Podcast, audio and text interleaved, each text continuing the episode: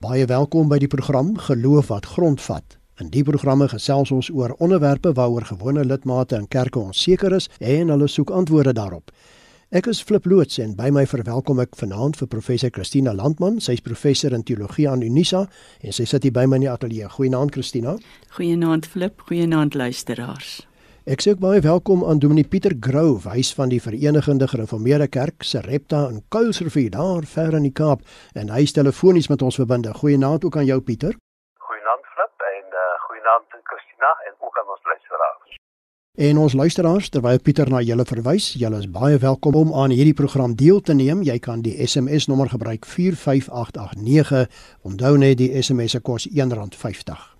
Hierdie program bied ook nie aan jou as luisteraar voorskrifte van presies hoe om te lewe nie, maar riglyne waarbinne jy self keuses kan maak.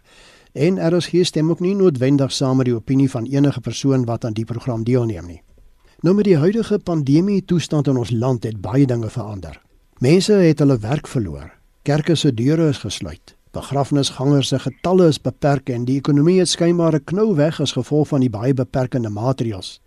Tog lyk dit asof daar effens 'n lig in die tonnel skyn deurdat die aantal COVID-19 gevalle aan die verminder is en daar so 'n bietjie verslapping op al die regulasies is met betrekking tot bywonings.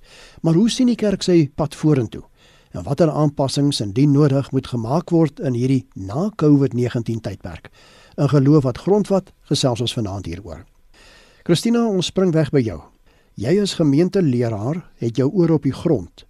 Hoe beleef kerkmense die huidige pandemie toestand emosioneel, geestelik en dan selfs ook ekonomies? Flip, jy sê nou ek het my oor op die grond, maar eintlik is die groot skade wat die koronavirus aangerig het, juis dat die dominee en die pastoor en so aan nie die lidmate kom besoek nie. My gemeente is in 'n ander provinsie en ek kon nie eers oor die provinsiale grense daar kom nie, behalwe vir 'n begrafnis en mense het agter toe deure gesit vir alles hulle in kwarantyne was. So uh, dit is nou moeilik om te weet hoe mense die pandemie beleef baie mense kan jy nie virtueel bereik nie want as jy nie kos het nie, het jy beslis nie geld vir data nie. Maar ek dink die vreeslike werklikheid het ons nou getref. Mense is honger. Mense sit vasgevang in klein spasies. Die frustrasie in verhoudings is daar waar daar nou ook 'n verlies in aan inkomste is. Eh, mense sien te veel van mekaar ensovoorts. Mense wat hulle geliefdes soort van in 'n oogwenk verloor. En hospitale wat nie siek mense kan hanteer nie, hulle het nie genoeg kapasiteit nie nie eers vir die wat die virus het nie, wat dan nou ook nog van mense wat ander mediese aandag nodig het. Hulle was net totaal uitgesluit in hierdie tyd. Maar ons praat vanaand nou oor die kerk en sy ekonomiese situasie en as mense nie geld het nie, dan het die kerk ook nie 'n inkomste nie en kan die kerk nou weer nie die mense help nie. Die oplossing sou seker maar wees dat ryker lidmate die armer lidmate sou help en dat die kerk dit dan sou aanmoedig en koördineer, maar die geweldige invloed wat die werksverliese het, die mense wie se salarisse gehalveer is, die mense wat regtig nie die basiese het om van te lewe nie. Daardie dinge het 'n geweldige invloed op mense en die kerk is aan bande gelê om hierdie probleme te hanteer. Aansluitend by Christina Pieter, sy sê die kerk is aan bande gelê. Tot watter mate dink jy het die pandemie kerklike werksamehede in die wiele gery? Dink nou veral geestelik, maar ook ekonomies. Klop, daar is kritieke take en bedieninge in die kerk wat tot stilstand gekom het. Dit sluit in natuurlik die dissiplines van ons geestelike lewe, gesamentlike aanbidding, openbare belens van geloof, luister na die prediking in die konteks van ware gemeenskap, die sakramentsbediening. Bonnie vir die Duitse teoloog het gesê dat die mens se gemeenskap word bemiddel deur die teenwoordigheid van Jesus Christus. En ons kan regtig net werklik in ware gemeenskap lewe as ons toelaat dat die woord tussen ons spreek en dat Jesus in ons midde staan. Die pandemie het ons op 'n afstand gehou, het ons geskei, het ons gemeenskap ondermyn op 'n baie groot wyse en die tegnologiese benadering kan nie daardie dinge regtig ondervang nie. Wat ons dus geleer het, is dat die mens se lewe is baie broos en ons is glad nie in beheer nie.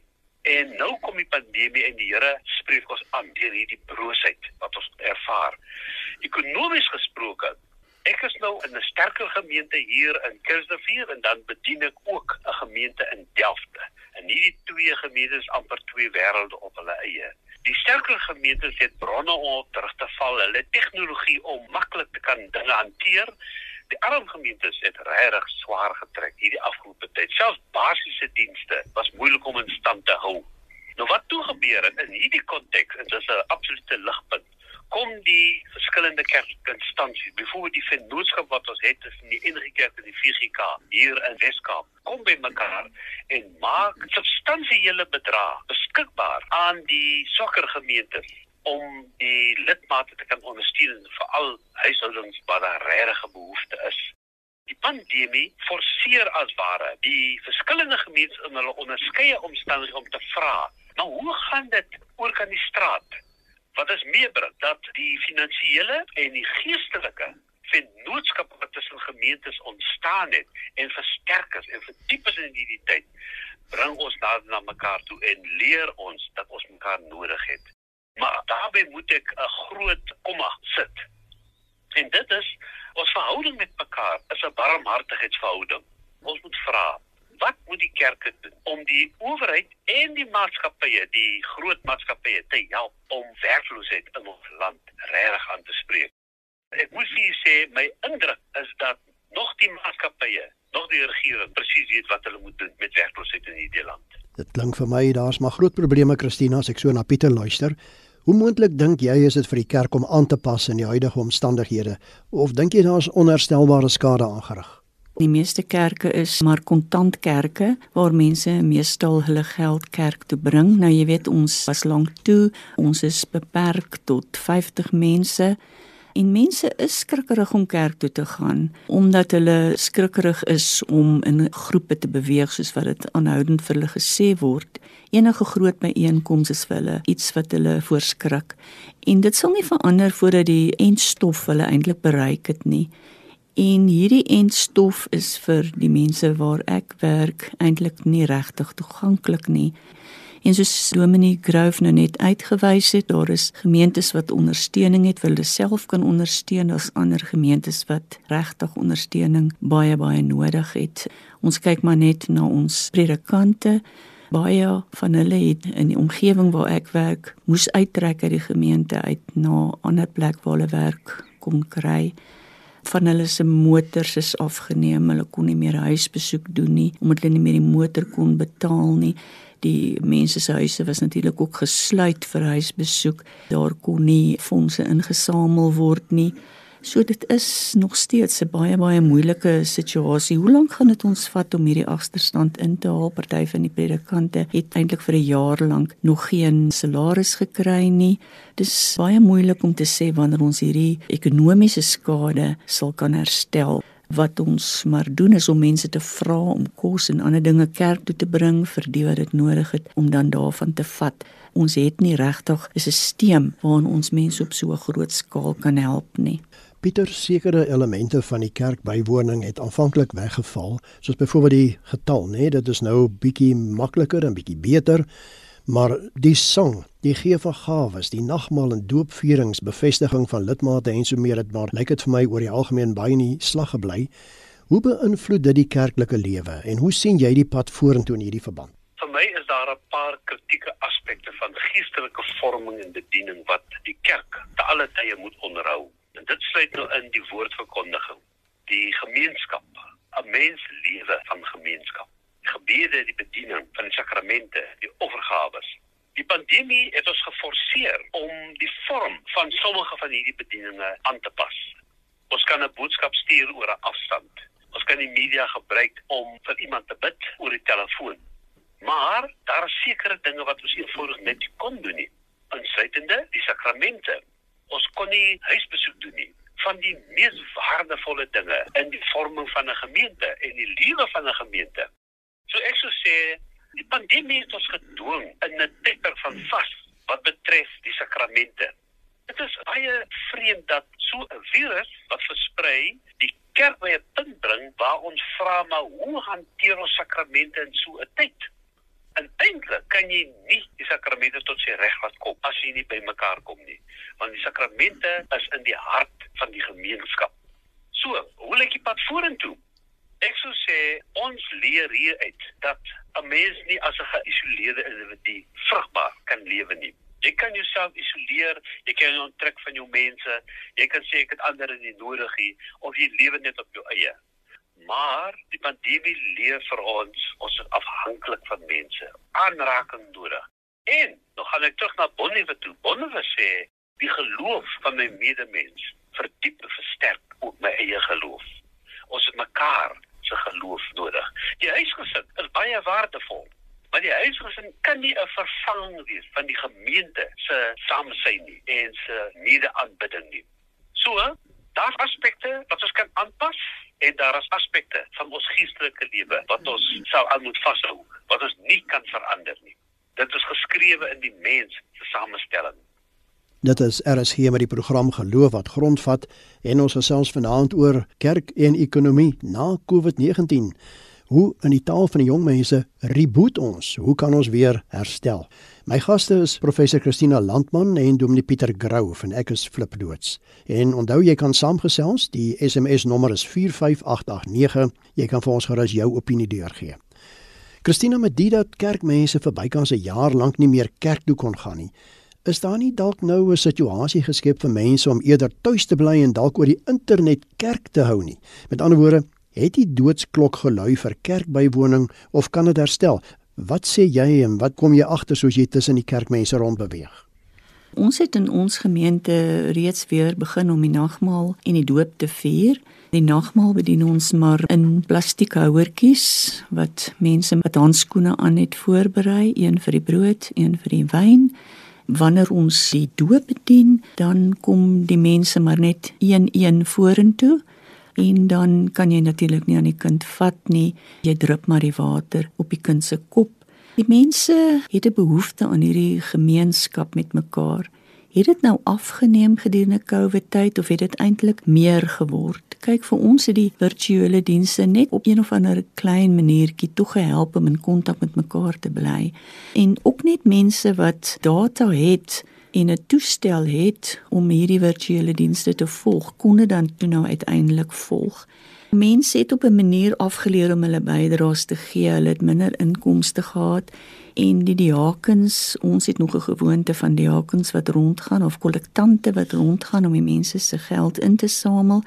Daai diens kon nie voortgaan nie en die gemeente het natuurlik finansiëel daaroor swaar gekry.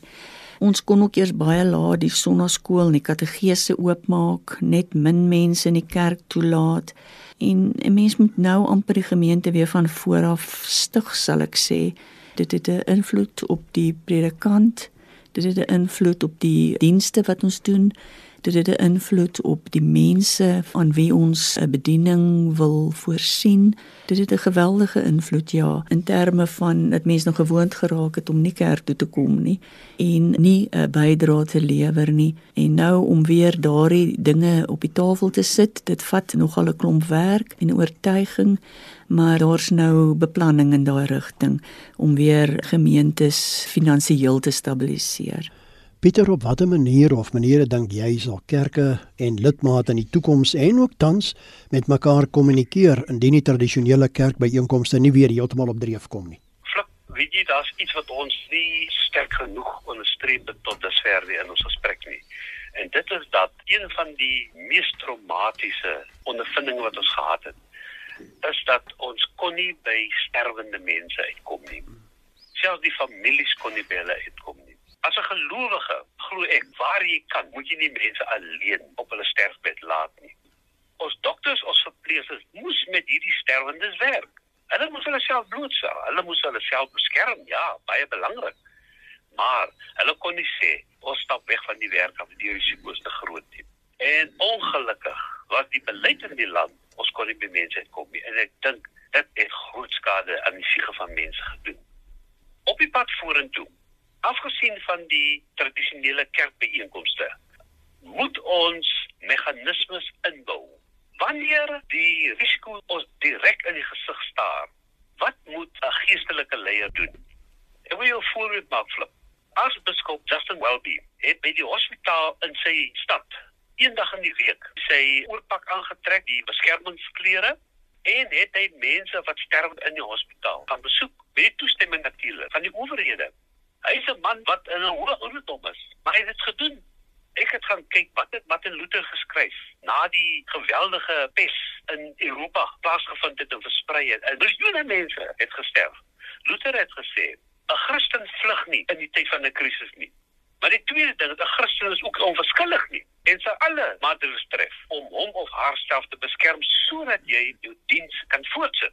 Ongelukkig het ons nie so 'n benadering in Suid-Afrika gehad nie daar mag mense wees wat 'n ander pad gevolg het, maar oor die oorweldigende meerderheid gesê, kom ons onttrek ons maar, kom ons beskerm onsself. Maar gaan dit regtig oor onsself of gaan dit oor die lig van Jesus in die tyd van 'n krisis? Vir my leer die geskiedenis dat niks in 'n reguit lyn ontwikkel nie. Ons opkomende geslagte sal aandring dat ons al vinniger na virtualiteit moet beweeg en die media baie sterker moet gebruik. En dit is heeltemal aanvaarbaar. Ons kan dit doen. Maar as ek nog gaan na die werkersklasse toe. Hulle het nie toegang tot die data nie.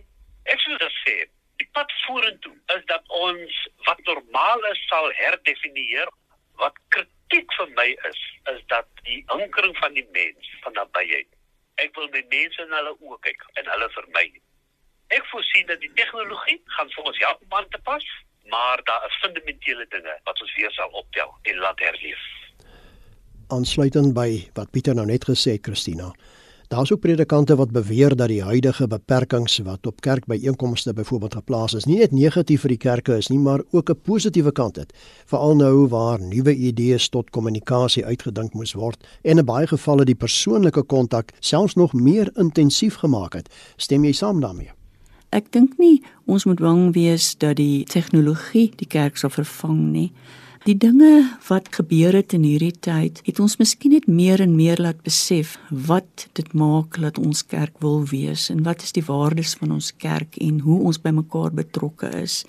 So ek sal sê die positiewe wat hieruit kom is juis die feit dat ons 'n gemeenskap is van gelowiges wat saam dans, saam die liggaam en bloed van ons Here geniet of simbolies dan herinner word aan sy betrokkeheid by ons en sy gemeenskap met ons. Daardie dinge het ons meer besef hierdie afgelope tyd en ek dink nie dat enige virus uiteindelik dit kan uitroei nie maar die virtuele vervanging van die kerk dit sal nie gebeur nie nie in enige kerk hier nie gewoon omdat die mense hier bymekaar staan in hierdie gemeenskap nou meer as ooit tevore nodig het en besef dat hulle dit nodig het Pieter soos in ander gevalle moet die kerk ook sekerlik vooruit beplan. Wat dink jy sal die kerk moet doen of waar sal dit moet aanpas om na COVID-19 weer normaal voort te gaan of is die normale illusie wat vir altyd verby is? Flip nommer 1, ons moet dankbaarheid teenoor die Here betuig vir die feit dat daar so baie lewens gespaar is. Kyk, dis nou wat die dood en siekte doen. Hy maak ons almal gelyk en hy sê man die verskille tussen julle is onbenullig in vergelyking met julle volle waarde. Die tweede saak is dat ons moet as gemeenskappe 'n tydperk van rou eers handhaaf. So kom ons staan net 'n oombliekie stil, ons kom by mekaar en ons eer daardie mense.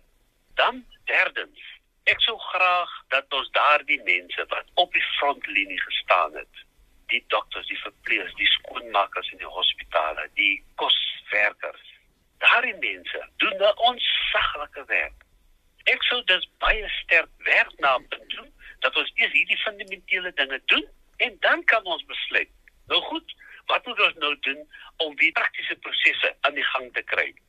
Onder andere hoe ons geboue en fasiliteite in stand hou en oprig sodat ons dinge op 'n regte op 'n effektiewe manier kan doen.